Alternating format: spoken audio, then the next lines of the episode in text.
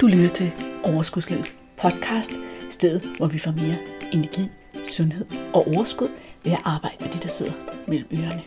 Din vært er life coach og sundhedsundern Malene Dollerup. Lad magien begynde. Du lytter til da episode 90 af Overskudslivets podcast. Hej min ven, er du klar til lige at sætte fantasien i sving et øjeblik? Kan du se for dig, hvordan der ude på en altan en varm sommerdag, hvor fuglene pipper og vinden blæser, sidder den her skønne, livsglade kvinde, der går op i, hvor vigtigt det er, at vi kan mærke os selv. Hun sidder der med sit fine, knaldrøde, korte hår og spil i øjnene og er klar til at tale med os. Hvorfor sidder hun derude, og hvad bekymrer hende mest ved at sidde derude? Det afslører hun på det her lille lydbid, som jeg ikke er nændet at klippe fra. God fornøjelse med dagens interview. Vi prøver, vi prøver. Ja, så hvis der kommer små abekatter eller kaffekopper, der klirer, så klipper vi. Men ellers så kører det bare. Yes. Ja. Hej og velkommen til Overskudslivets podcast. I dag skal vi tale med Sif Storm, og det glæder mig til som et lille barn. Som altid, når jeg finder gæster til podcasten, så er jeg drevet af min egen nysgerrighed og af de udfordringer, jeg hører øh, hos mine klienter. Og Sif, hun er spændende, fordi Sif, hun er blandt andet totem, totum, kropsterapeut, life coach og seksolog. Og hun snakker rigtig meget om det her med at mærke kroppen. Hun har lige lavet et online forløb, der hedder Mærk, og handler om at mærke, hvad vores krop fortæller. Og der er også sådan nogle ting, jeg regner med at udspørge hende om i dag. Hvordan bliver vi bedre til at mærke vores krop og forstå, hvad det er, den egentlig fortæller os? Men som altid her i podcasten, så er det jo ikke mig, men gæsten, der skal prale af sine superpowers. Så nu vil jeg overlade ordet til dig. Hvis nu du skulle prale uhemmet, uden at være generet, hvad er så dine superpowers? well, først og fremmest, uh, hej, og tak fordi jeg måtte få lov til at være med her i podcasten. Superpowers. Jeg tror, at uh, hvis jeg skulle vælge en, en superpower, så er det, at jeg skaber rum til folk at jeg har en, en, ja, en superpower-evne til at få folk til at føle sig godt tilpas, og få folk til at ture åbne sig og være modige i mit selskab. Og det er jo, man kan sige, det er jo en superpower, jeg bruger hver evig eneste dag på klinikken med, med dem, der kommer til mig for at, at få hjælp til at komme videre med deres liv. Så det her med at kunne skabe et trygt sted, hvor at øh, de tør være sig selv, og hvor at øh, de kan ja, åbne sig og dele nogle ting, som måske aldrig nogensinde er blevet delt før. Ja, det lyder som en rigtig, rigtig god superpower. jeg tænker på mange af os, som der har besluttet os for, at vores opgave eller vores job skal være at arbejde tæt med mennesker og hjælpe mennesker. Vi starter på grund af et eller andet, vi har oplevet eller kendt i vores liv. Hvad har fået dig til at gøre det, du gør, og arbejde med det, du gør? Åh oh ja, jamen altså, det har været en, en, en længere rejse, som det jo nok er for de fleste, men, men rejsen startede i hvert fald ja, hvornår var det? Tilbage i 2011, 12 stykker, hvor at jeg, jeg husker, at jeg sad i, i Jordan, hvor jeg boede på det tidspunkt, og min øh, daværende kæreste og øh, store kærlighed, han havde lige forladt mig. Og jeg havde et, et, sådan et helt gennemgående mønster på daværende tidspunkt, at når, jeg, øh, når der var nogle kærlighedsrelationer, som brød sammen for mig, så brød mit liv sammen. Og ikke bare på den der måde med, at altså sådan lidt kærestesorg og lidt trøstespisning og lidt ligge og græde i, øh, i nogle dage eller uger eller et eller andet, at jeg sådan gik helt ned med fladet, sådan i livet giver ingen mening, alt det, som plejede at gøre mig glad, gjorde mig ikke glad længere, alt var meningsløst. Sådan helt opgivende. Og det der sorte hul havde jeg bare været i alt for mange gange. Så da jeg ramte det hul igen der i 2011-2012, så ville jeg ikke mere. Så der, øh, der sagde jeg lidt til mig selv, at nu måtte jeg blive nødt til at tage hul på det og finde ud af, hvad det var for et mønster, jeg havde, og hvorfor jeg havde det, og få nogle redskaber til at komme videre. Og så startede jeg først på ja, min coachuddannelse, som gjorde mig rigtig meget klogere i løbet af to år. Og derefter så følte jeg ligesom, at jeg manglede noget. Og så øh, kom kroppen på. Og det øh, har jeg virkelig, virkelig, virkelig været glad for, at den gjorde. Så der uddannede jeg mig som kropsterapeut efterfølgende. Og føler du så, at du har fundet en måde, at så du ikke længere havner i de der sorte huller? Det synes jeg absolut. Jeg kan sige, det har været, altså det er jo en, en lang rejse, men først for mig at finde ud af, jamen, hvorfor var det, at jeg havnede de huller der? Hvad var det, jeg var så dødsens angst for? Og for mig, der har det helt sikkert, det har været angsten for at blive forladt. Mm. Og det her med at miste, som har siddet i mig, som jeg så har fundet ud af undervejs, som både har siddet i mit, kan man sige, mit følelsessystem og i min krop helt fysisk, den der helt sådan indgroet angst for at blive forladt af dem, jeg elsker, og stå helt alene tilbage i livet. Og kunne gå ind og arbejde med at både kropsligt og, og følelsesmæssigt, at få åbnet op for det, så det ikke skulle være, kan man sige, en begrænsning i mit liv, men noget, jeg kunne leve med og kunne rumme og kunne omfavne, så har det gjort det meget nemmere at være i kærlighedsrelationen efterfølgende. Så, så helt sikkert, både det kropslige og det følelsesmæssige samarbejde, så, så synes jeg, jeg er landet et rigtig godt sted. Jeg er stadigvæk pisseangst for at blive forladt, men jeg synes, jeg har et helt andet udgangspunkt for at arbejde med det i dag. Mm. Men er det ikke også lidt en grundpræmis, altså, at vi alle sammen er lidt angste for at blive forladte? Absolut. Absolut. Og det har så bare været ekstra slemt for dig? Så har det så været, åbenbart været ekstra slemt for mig, og lige særligt i forhold til, til det her med, med kærlighedsrelationer åbenbart, som har været ekstra sårbart for mig altid. Fordi det sådan lidt pussy er jo, jeg har også i, i årene, der er gået, har jeg mistet begge mine forældre. Mm. Og det har selvfølgelig også været en kæmpe sorg, men på en eller anden måde meget mere, altså det kunne jeg bare meget bedre acceptere, at det var på en eller anden måde, det var okay, Hvorimod at det der med at blive forladt af kærester aldrig har været okay. Så der er, der er et eller andet helt særligt meget sårbart på spil, når det handler om de der kærlighedsrelationer. Jeg tænker, det, at det var super stærkt af dig, fordi jeg, jeg har da mødt mennesker nok til at vide, at mange ville have valgt den her udvej, der hedder, så skal jeg bare ikke være i en kærlighedsrelation mere. Det er og så ind og sige, jeg skal finde ud af, hvad det er, der sker, siden det er så svært for mig. Det er jo den rigtige vej, kan man sige. Det er den vej, ikke? Der, der, der udvikler os fremad, hvor den der med, man er simpelthen, så skal jeg bare ikke have kærester. Ja, men den er enig, enig. Stå, ikke? Ja. Helt sikkert. Den møder jeg jo også tit altså, hos, hos mine egne klienter, at altså, netop at man er blevet så såret, eller har oplevet så stort et svigt på et eller andet punkt, om det er kærlighedslivet eller alt muligt andet. Og så er det mest naturlige, det er jo bare at sige, jamen så skal jeg bare ikke det. Mm. Og, øh, og det er jo, hvad kan man sige, det er vores sådan øh, integreret, indgroet måde at prøve at beskytte os selv på. Og det er jo altså fuldt forståeligt og meget, meget menneskeligt. Men det gør jo netop også, at vi så ofte slet ikke får det, som vi længes allermest efter. Og det er jo rigtig, rigtig trist. Ja, nej, det er super fint formuleret, ja. Altså nu sidder jeg jo her som coach. Jeg arbejder jo, og jeg ved, du er også coach, så jeg arbejder jo rigtig mm. meget med at folks hjerne, og hvordan den fungerer. Og netop er de her også ting med, nogle gange så gør vi ikke de ting, som egentlig vil være smart for os. Alt der. Mm. Men hvad er det så, nu har du puttet kropsterapi ovenpå, hvad er det, der gør kropsterapi så særligt? Åh, oh, jamen, hvad er det, der gør det særligt? Jamen, jeg synes, at i, når, jeg, når jeg har arbejdet med, med ren samtale, så kommer der ligesom et eller andet sted, hvor at mange mennesker godt kan komme lidt til kort. At de kan nå til et sted, hvor at de ved godt, hvad deres udfordring er, eller de ved godt, hvad det er, de burde gøre, men de gør det ikke. Og, øh, og for rigtig mange, så oplever jeg, at når de får kroppen på, så sker der et eller andet magisk. Så jeg tror, det er det, som der er særligt ved kropsterapien. Det er, at den, den ligesom ofte den, den manglende brik, hvor at, at vi, kan, vi kan være nok så kloge med vores rationelle, store, fantastiske menneskehjerner, som kan sindssygt meget, men der er bare noget, den ikke kan. Og nogle gange så kan den spænde ben for os, den hjerne der. Så det der med at komme ned i kroppen, og øh, ja, men jamen, det kan den virkelig, altså spænde totalt meget ben. Så det der med at komme ned i kroppen, fordi kroppen den er egentlig sådan meget, den er sindssygt intuitiv, og på nogle måder er den meget klogere end vores meget kloge hjerner. Så den kan bare noget andet. Så det der med at få, få kombineret hoved og krop, og give kroppen lidt lov til at bestemme nogle gange, det kan nogle gange åbne nogle døre, som, øh, som jeg i hvert fald ikke har haft held med at åbne rent ved kun at arbejde mentalt og med, med samtalen. Så det er bare ligesom, ja, det er sådan lidt øh, den, den ekstra brik i puslespillet. Det er kroppen. Når den kommer på, så sker der magi. Så hvordan, sådan, helt praktisk, sådan, hvordan foregår det? Det er sådan en form for massage, stræk, fysioterapi. altså, nu vil jeg bare gerne have et billede på, ja, hvad der sker.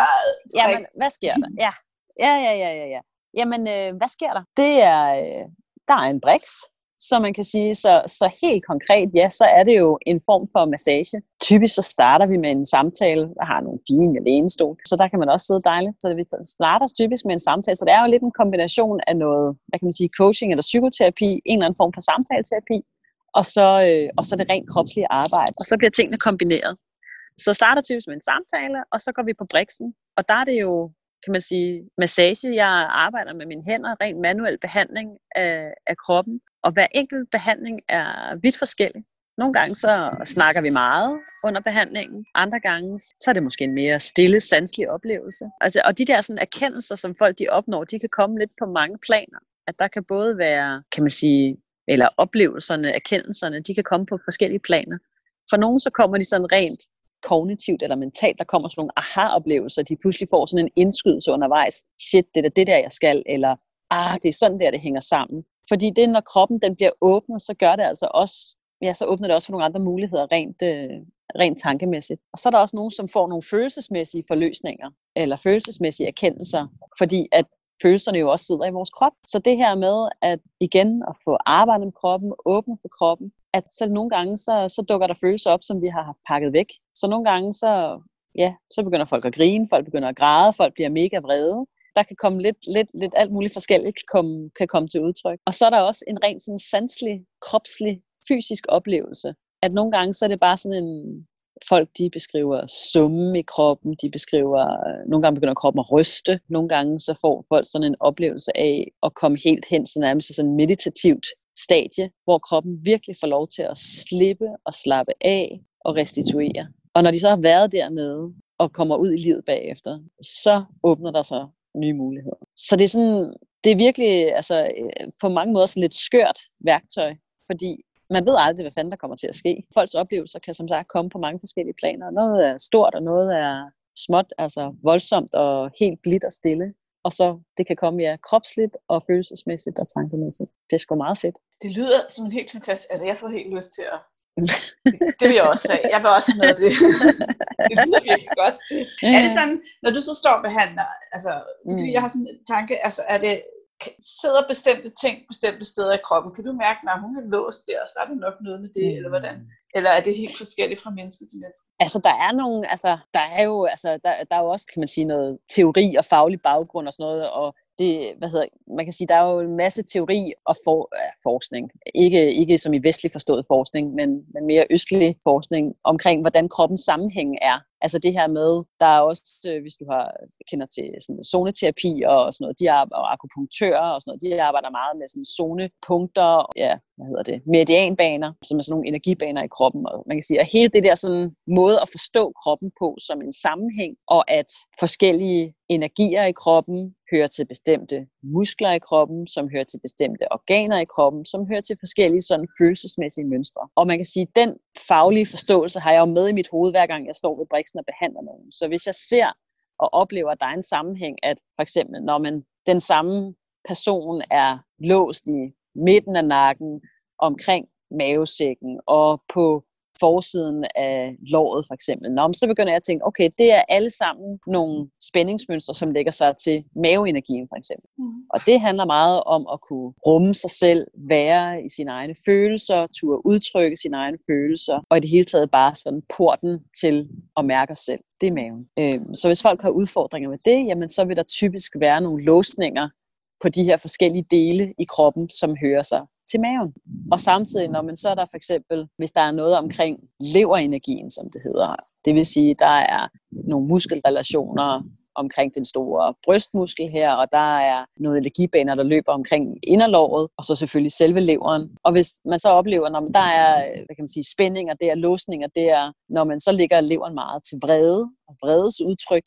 Så hvis man for eksempel har svært ved at udtrykke sin vrede, eller kommer til at udtrykke den meget voldsomt og uhensigtsmæssigt, at der er en ubalance enten til den ene eller til den anden side, jamen så vil det typisk komme til udtryk der. Så der er helt sikkert nogle sammenhæng med, som du siger, når man er der bestemte følelser eller ting, som sidder bestemte steder i kroppen. Ja, det kan man sagtens tale om.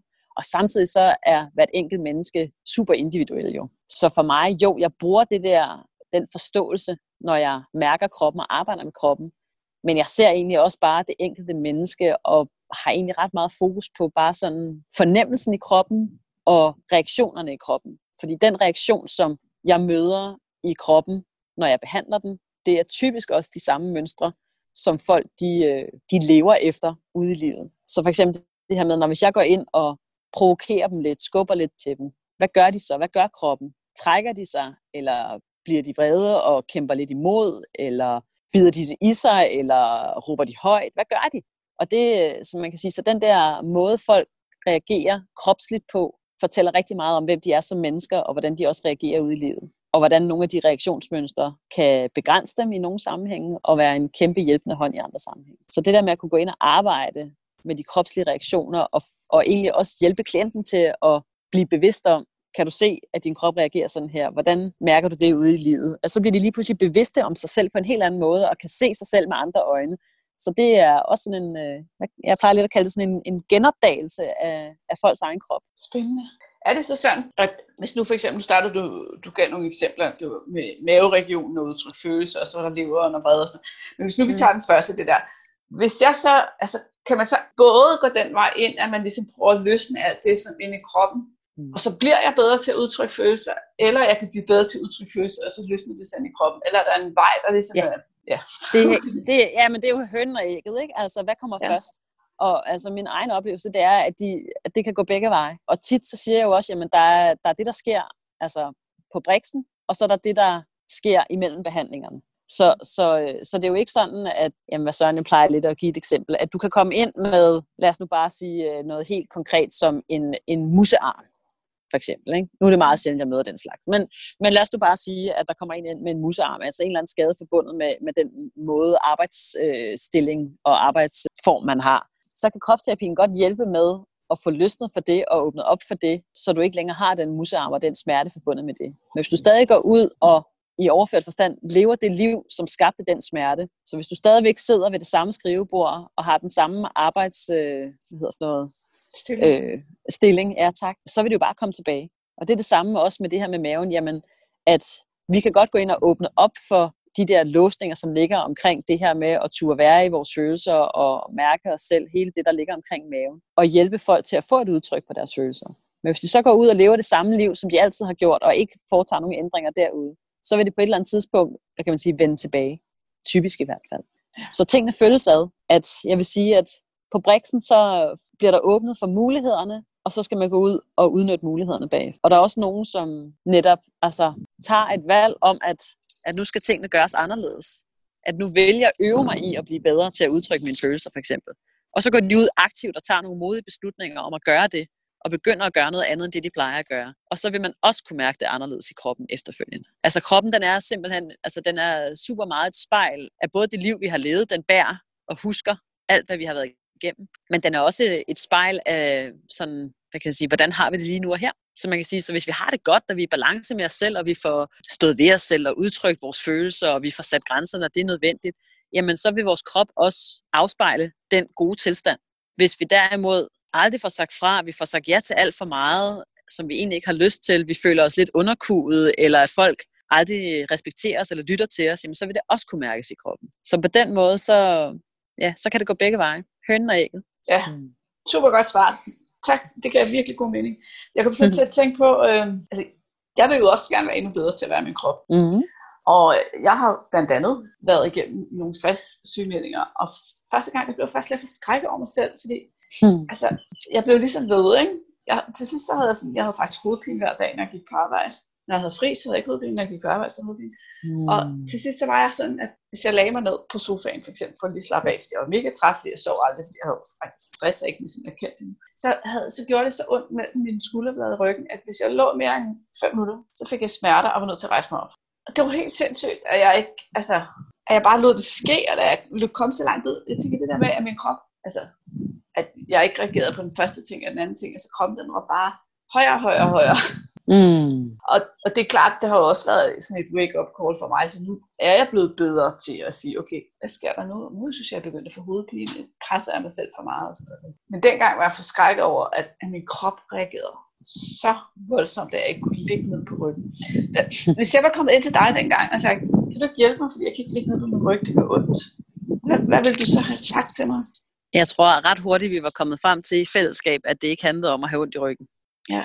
Og jeg tror måske, at jeg, når vi ligesom havde fået åbenbaret, hvad, hvad kroppen den gemte på af, af symptomer, som ikke kun var ondt i ryggen, men at jeg havde hørt lidt mere til netop det her symptombillede. Så tror jeg måske, jeg havde spurgt dig, hvad du tror, at din krop den prøver at fortælle dig med alle de der ting. ja. Ja, fordi tit så ved vi det jo netop godt, men at vi bare løber så stærkt, fordi vi ikke ønsker at vide det, eller vi ikke ønsker at skulle tage konsekvensen af det, vi egentlig godt ved. og det første, der, ja, det første, der sker, når man kommer ud i den der sådan stressspiral, det er jo, vi, det første, jeg i hvert fald oplever hos folk, det er, det første, der bliver lukket af for, det er åndedrættet. Så vi begynder sådan at, at, at trække vejret mere overfladisk, og øh, enten bare op i brystet, og for nogen heller ikke engang i brystet, men nærmest kun op i halsen. Og det, der sker, når vi begynder at lukke ned for åndedrættet, så at sige, det er, at så lukker vi også ned for kontakten til alt, hvad der ligger syd for halsen. Så hele kroppen, den bliver bare sådan et vedhæng, som vi ikke rigtig forholder os til, eller prøver på ikke at skulle forholde os til. Fordi hvis vi skulle forholde os til kroppen, og det vi mærker dernede, og ja, nu hovedet selvfølgelig øh, lidt nordpå, men stadigvæk sådan de der symptomer, du mærkede, ikke, med hovedpine og så videre, og ondt i ryggen, at hvis vi var nødt til at forholde os til det, jamen, så er vi også nødt til at erkende, hvad fanden er det, der er galt, hvad er det, altså så er vi nødt til at tage os selv alvorligt. Men vi har ikke lyst til at stoppe op, og den eneste mulighed, vi har for at blive ved med at løbe i det der høje tempo, og blive ved med at fortsætte vores arbejde, eller hvad det nu er, der stresser os, det er ved at lukke ned for at mærke det. Så kan vi fortsætte i et stykke tid endnu i hvert fald, indtil at ja, kroppen til sidst larmer så meget, eller vi simpelthen bare knækker, og simpelthen en dag bare ikke kan rejse os igen. Ja, og, når jeg ser tilbage, så fortalte jeg mig jo også alle mulige historier om, hvorfor jeg ikke skulle stoppe. Ikke? Altså. Præcis. Men hvorfor har vi så svært ved at altså, mærke og forstå det, vores krop siger til os? Åh, ja, jamen, det har vi sådan set heller ikke fra starten af. Altså, små børn er eminent gode til at mærke sig selv, og mærke deres krop, og mærke, hvad de har brug for, og hvad de vil, og hvad de ikke vil. Mm. Det er de skide gode til, faktisk. Så man kan sige, så vi bliver født ind i den her verden med en unik evne til at kunne lige præcis det at mærke. Og så sker der bare alt muligt i livet, som øh, får os lidt på afveje, eller kan få os lidt på afveje, og kan gøre det svært for os. Og det kan være alt lige fra, jamen for eksempel sådan en stress, en, en eller anden form for stress eller overbelastning, kortere eller længere periode, som gør, at vi lukker ned for åndedrættet, som jeg sagde før, øhm, og lukker ned for kontakten til kroppen. Så kan det være altså, forskellige former for udviklingstraumer, altså ting, som sker i vores barndom, som vi tager med os ind i voksenlivet. At vi får at vide, at der er bestemte dele af det, vi udtrykker, det vi er, som måske ikke giver så mange bonuspoint i familien, eller som, øh, som ikke rigtig er tilladt, eller som vi føler ikke rigtig er tilladt. Og så begynder vi at lukke ned for det. Så sådan den kropslige side af det der, hvor man mentalt og inden for egenskaber snakker om skyggearbejde. Ja, lige præcis. Ja. Så kropsligt så vi lukker, ned. lukker vi også ja, ned. så lukker ja. vi også ned. Ikke? Ja. Mm. Altså, fordi hvis, ja, hvis vi får at vide om, at det er ikke øh, pænt for dig, Malene, du må ikke være vred. Du skal opføre dig ordentligt, ikke? Altså, du må ikke være vred for eksempel. Det er der rigtig mange, som får at vide som børn, at det, deres vrede, den er, ikke, øh, den er ikke velkommen i familien. Og så kan man sige, man så bliver vreden lige pludselig en skyggeside. Og det bliver den så også rent kropsligt, og så lukker vi ned for at mærke vrede. Og sådan kan det være med mange forskellige dele af os, at vi lukker ned for det. Så, øh, så ja, så hele det der, alt hvad vi tager med os fra barndommen af, kan have en indflydelse på, hvorfor det bliver så svært at mærke som voksen. Stress og overbelastning kan. Choktraumer, altså voldsomme hændelser i livet. Der sker lidt det samme, at hvis vi er udsat for et eller andet meget voldsomt, enten som en enkeltstående begivenhed, eller igen sådan en overbelastning øh, over en længere periode, som for eksempel, jamen det kan være mobning på arbejdspladsen, det kan være, hvad hedder det, øh, psykisk belastende relationer, parforhold osv., og, og så kan det være enkeltstående begivenheder som overgreb, overfald, sådan nogle øh, i lidt voldsommere genre. Alle de slags hændelser kan også gøre, at vi sådan rent instinktivt lukker ned for at mærke, fordi det simpelthen er for voldsomt. Så kan det også være sådan rent øh, noget, vi indtager, som gør, at det bliver svært at mærke. Altså det kan være rent sådan kemisk, det kan være medicin, som, øh, som går ind og lægger en dæmper. Jeg har mange klienter, som jo er i en eller anden form for øh, medicinsk behandling med noget humørstabiliserende. Og det er jo hele sådan, øh, hvad kan man sige, humlen i den slags medicin, at det lægger et filter på kroppen, på hvad man kan mærke, for lige at tage toppen af ubehaget. Men det gør altså også, at det bliver sværere at mærke. Så alting bliver jo sådan lidt mere lever på stegen. Dem, der har prøvet at være på den slags medicin, de ved godt, at det hjælper, fordi det tager toppen af, man kan sige, man kommer lige op og kan få lidt luft fra det hul, man er nede i. Men det gør altså også, at der er en hel masse ting, man slet ikke kan mærke. Det har jeg også forstået på folk. Det, det bliver ja. lidt fedt, fordi der er ikke rigtig noget, der er noget, hverken den ene eller Præcis, ja. Så det bliver sådan, så får man sådan uh, den der leverpostejs mellemvare til alting. Ikke? Altså, og det er jo rigtig godt, hvis man har det rigtig, rigtig skidt. Så det er jo dejligt, at der findes den hjælp, men det gør altså også bare, at nuancerne forsvinder, og det bliver svært at mærke sig selv. Og netop det der, hvad har jeg lyst til, hvad har jeg ikke lyst til, det ved jeg ikke. Det er bare helt sådan et bla. Og så kan det jo også være, jamen altså, alt det andet, vi kan indtage, som kan bedøve os lidt. Om det så er alkohol, eller stoffer, eller øh, sukker, eller øh, altså, ja, altså mad i det hele taget. Ikke? Der findes jo mange former for at, måder at dulme os selv på, som gør, at vi kommer længere og længere væk fra at mærke os selv. Så ja, så det var en meget lang forklaring på, hvorfor at, øh, at det kan blive så uendelig svært at mærke ja, os selv. Ja, det er så svært. Ja, ja altså der, er ting, vi har pakket væk af alle mulige forskellige årsager. Af alle mulige forskellige årsager, lige præcis. Og igennem hele livet, lige fra vi var børn af, og til ting, vi oplever i voksenlivet. Og det spiller alt sammen ind. Hvorfor skal vi så vende tilbage til at altså, mærke os selv? Hvorfor, hvorfor skal vi blive bedre til det, og hvad skal der til, for at vi bliver bedre til det? Ja, altså, man kan jo bare vælge at lade være. Man behøver jo ikke at gå tilbage. Men øh, fordi man kan sige, så det, det er jo ikke en øh, nødvendigvis særlig øh, behagelig rejse tilbage til at kunne mærke sig selv. Nej, men tænker Fordi jeg, man... jeg ved, du har lige lavet sådan et online forløb, der hedder ja, mærke, hvor man kan lære at mærke sig selv. Mm. Det må der jo være en grund til. Det må det være, fordi der er nogen, der gerne vil det. Hvorfor vil vi gerne det? Ja, men altså, og jeg har jo lavet det netop fordi, at jeg oplever, at det her, den her udfordring med at kunne mærke sig selv, det er øh, i bund og grund det, jeg tror 90 procent af dem, som kommer til mig, hvis ikke flere, der er der, hvis ikke det er hele problemet, så er det i hvert fald en del af problemet. Det er, at de ikke kan mærke sig selv. Så det er sådan ligesom det fundamentet for overhovedet at være til stede i vores liv og kunne stå i os selv og leve på et liv på vores egen præmisser, det er, at vi kan fucking mærke os. Og derfor så blev jeg sådan lidt, okay, jeg kan stå her og behandle ved briksen og, og hjælpe hver enkelt menneske til at, at blive bedre til at, at få åbnet op for kroppen og kunne mærke sig selv. Men der må være en anden vej, så jeg kan, jeg kan man sige, komme lidt videre omkring, altså fordi der er fandme mange, som har den her udfordring. Og derfor lavede jeg mærk, kan man sige, altså online forløbet mærk. Det var simpelthen for et forsøg på at komme bredere ud, fordi at jeg oplever det som en kæmpe stor udfordring. Det er også det, jeg hører fra dem, som følger mig på sociale medier, at øh, når jeg spørger ud i flokken der, så er det det, der kommer tilbage hos langt de fleste som den største udfordring. Det er det her med at kunne mærke sig selv. Og hvad kan man sige, jamen hvorfor skal vi kunne det? Jamen det skal vi, hvis vi gerne vil leve et liv på egne præmisser, så er vi nødt til at komme ned i kroppen. Fordi at det her med Altså sådan nogle helt basale ting i livet, som at kunne træffe gode beslutninger. Vide, hvad søren det er, vi gerne vil med vores liv. Vide, hvad det er, vi drømmer om, hvad vi ønsker os, hvad vi længes efter, hvad der er vigtigt for os. At kunne stå ved de ting, og kunne gå efter de ting. Det kan vi kun, hvis vi kan mærke os selv og mærke vores krop. Oh, det er så, øh, så derfor er det pissevigtigt. Ja, ja.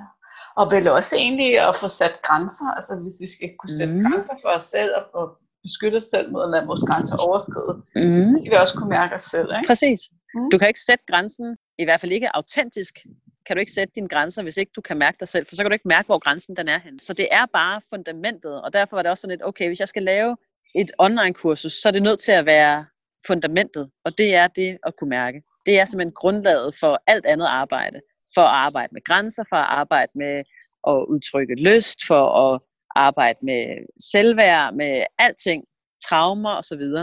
Den første sten, eller den første brik i puslespillet, det er at kunne mærke vores egen krop. Så, derfor... ja, så, så der fik vi ud over de grænser og hvad du egentlig gerne vil med dit liv og dine drømme, og så var der også lige lyst, altså så det også mm. sexliv fik du også lige med ind over. Ja, ja, også det. Så mm. faktisk, altså bare alt det gode liv. alt det gode, lækre liv, lige præcis. Ja. Altså jeg har jo også klienter, som ikke ved, hvis, jeg, hvis de bliver spurgt, hvad kunne de tænke, hvad skal vi have til aftensmad, skat? Så ved de det ikke, for de kan ikke mærke, hvad søren de har lyst til at spise til aftensmad. Så jo, det er jo både, altså det er jo også sexlysten, men det skulle også bare lyst i det hele taget. Hvad har du lyst til at lave i dag? Hvad har du lyst til at spise til aftensmad? Hvad har du, ja, hvor har du lyst til, at vi skal rejse hen på ferie? Hvis hvad man ikke kan mærke glad i dag? Ja, hvad vil gøre dig glad i dag? Jeg ved det ikke. Jeg kan ikke mærke noget. Mm. Altså, det er bare et tomt liv at leve, og som bliver på andres præmisser. Fordi hvis man ikke kan mærke sin egen lyst, så kommer man bare til at følge med på andres lyst. Ja, så bliver det på andres præmisser. Se, nu fik jeg lyst til at være virkelig god til at mærke mig selv. det, det er ikke leve mit liv på andres præmisser. Nej, Men, det gider man fandme ikke. Nej, det gider vi ikke. Nej, det gider vi ikke.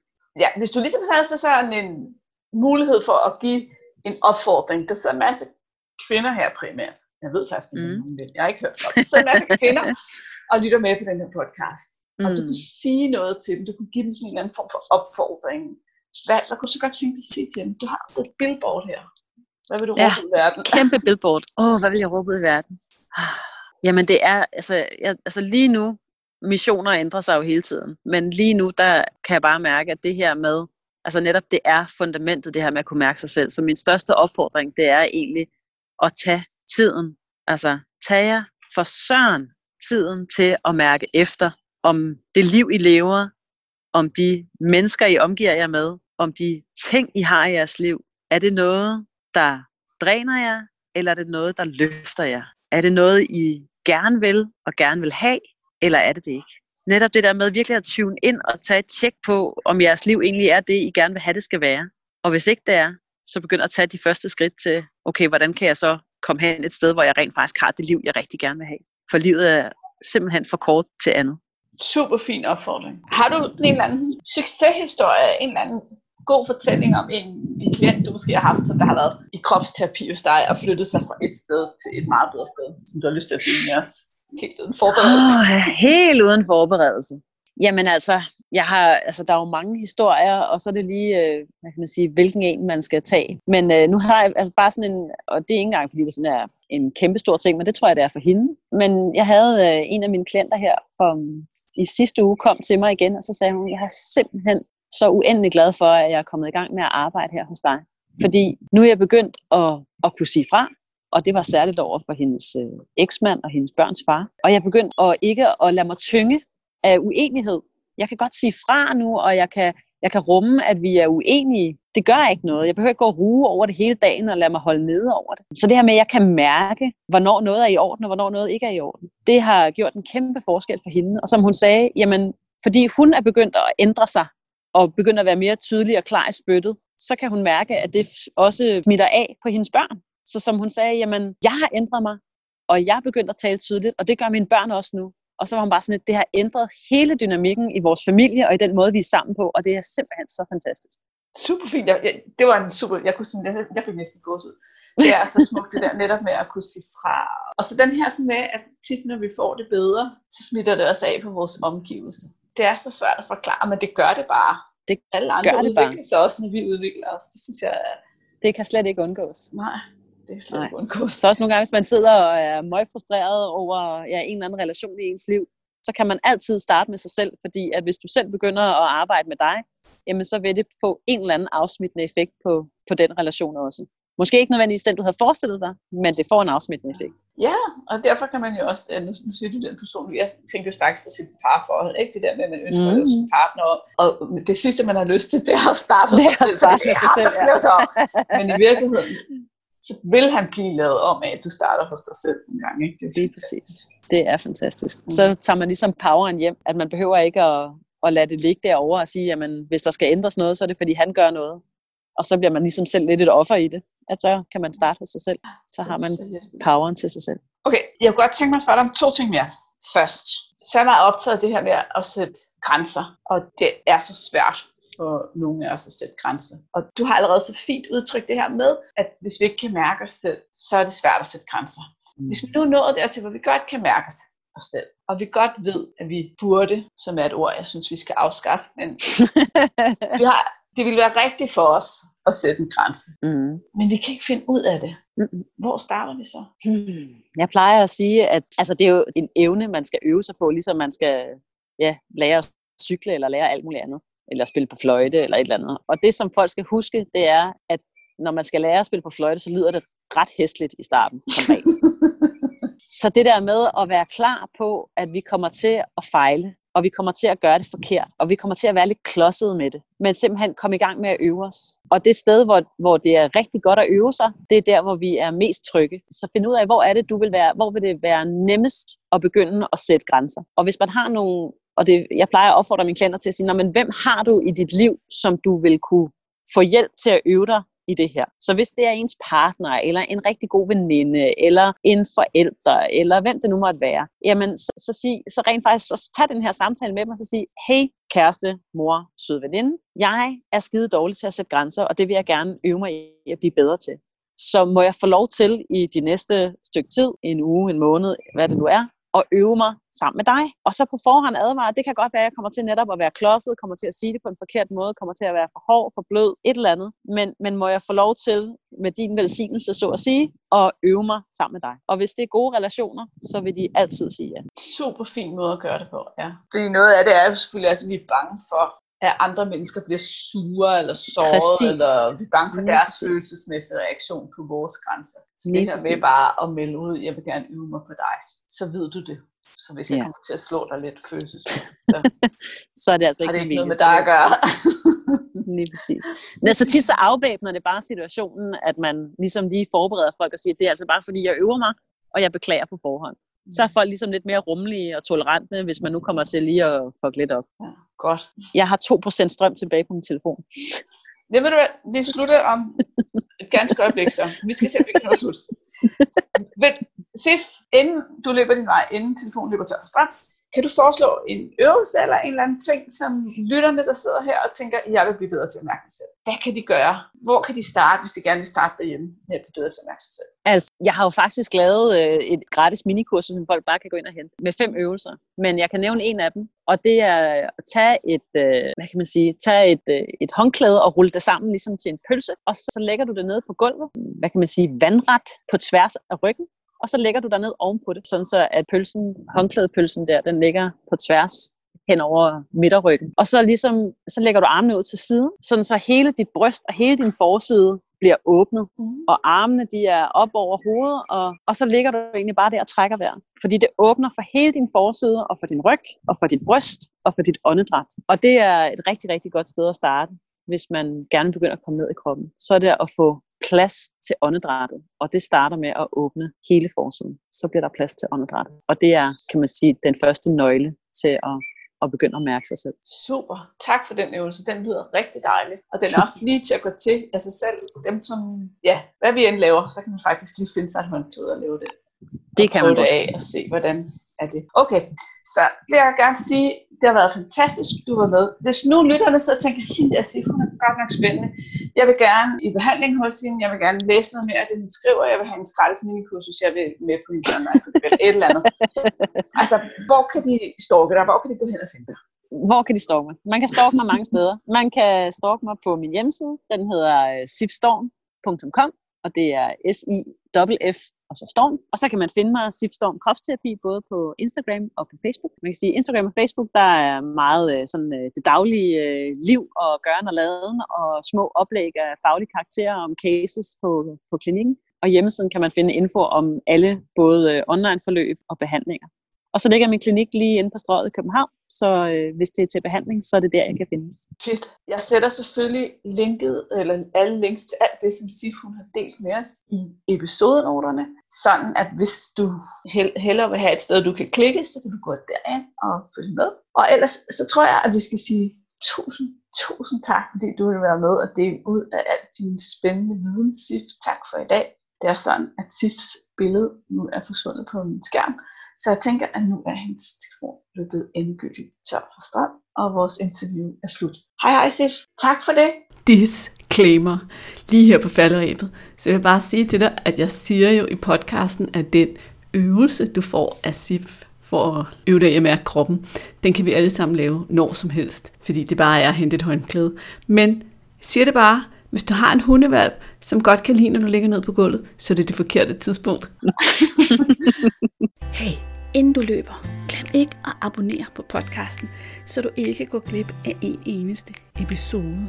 Og skulle du have fingre i den gratis videotræningsserie Vægtab med din hjerne, så smut ind på overskudsliddk videoserie så lander den første video i din indbakke i dag.